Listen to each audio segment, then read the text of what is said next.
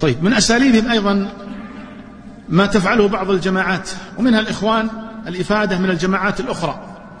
كما تستفيد جماعة الإخوان من جماعة التبليغ في تجنيد الشباب والأعضاء الجدد. فتأتي جماعة التبليغ وتأخذ الشباب مثلا من المعاصي والمنكرات حتى يبدأوا في الاستقامة. فتأتي جماعة الإخوان وتأخذ هؤلاء الشباب فتجدهم جاهزين للانضمام إلى جماعة الإخوان. ولذلك يقول محمود عبد الحليم في كتابه الإخوان المسلمون أحداث صنعة التاريخ يقول كنا نأتي جماعة التبليغ فننظر من يصلح منهم فنأخذه معنا. ينظرون من هو المؤهل. بل إن الدولة إذا شددت كما ذكر عبد الله ناصح علوان وغيره وهو من رموزهم إذا شددت الخناق على جماعة الإخوان دخلوا في جماعة التبليغ. حتى يقال أنهم ليس لهم يعني دخل في هذه الأمور وإنما هي دعوة وزهد وعبادة.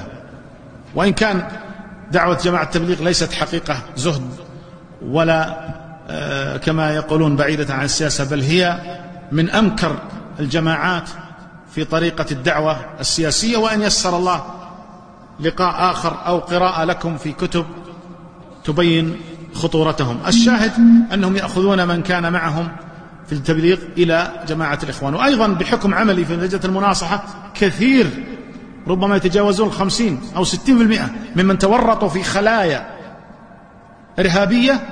أسألهم كيف كانت بدايتكم يقولون بالانضمام إلى جماعة التبليغ. فتأتي هذه الجماعات الإرهابية كالإخوان وغيرها فتجدهم قد آه، نضجوا لأن يصبحوا أعضاء في هذه الجماعات.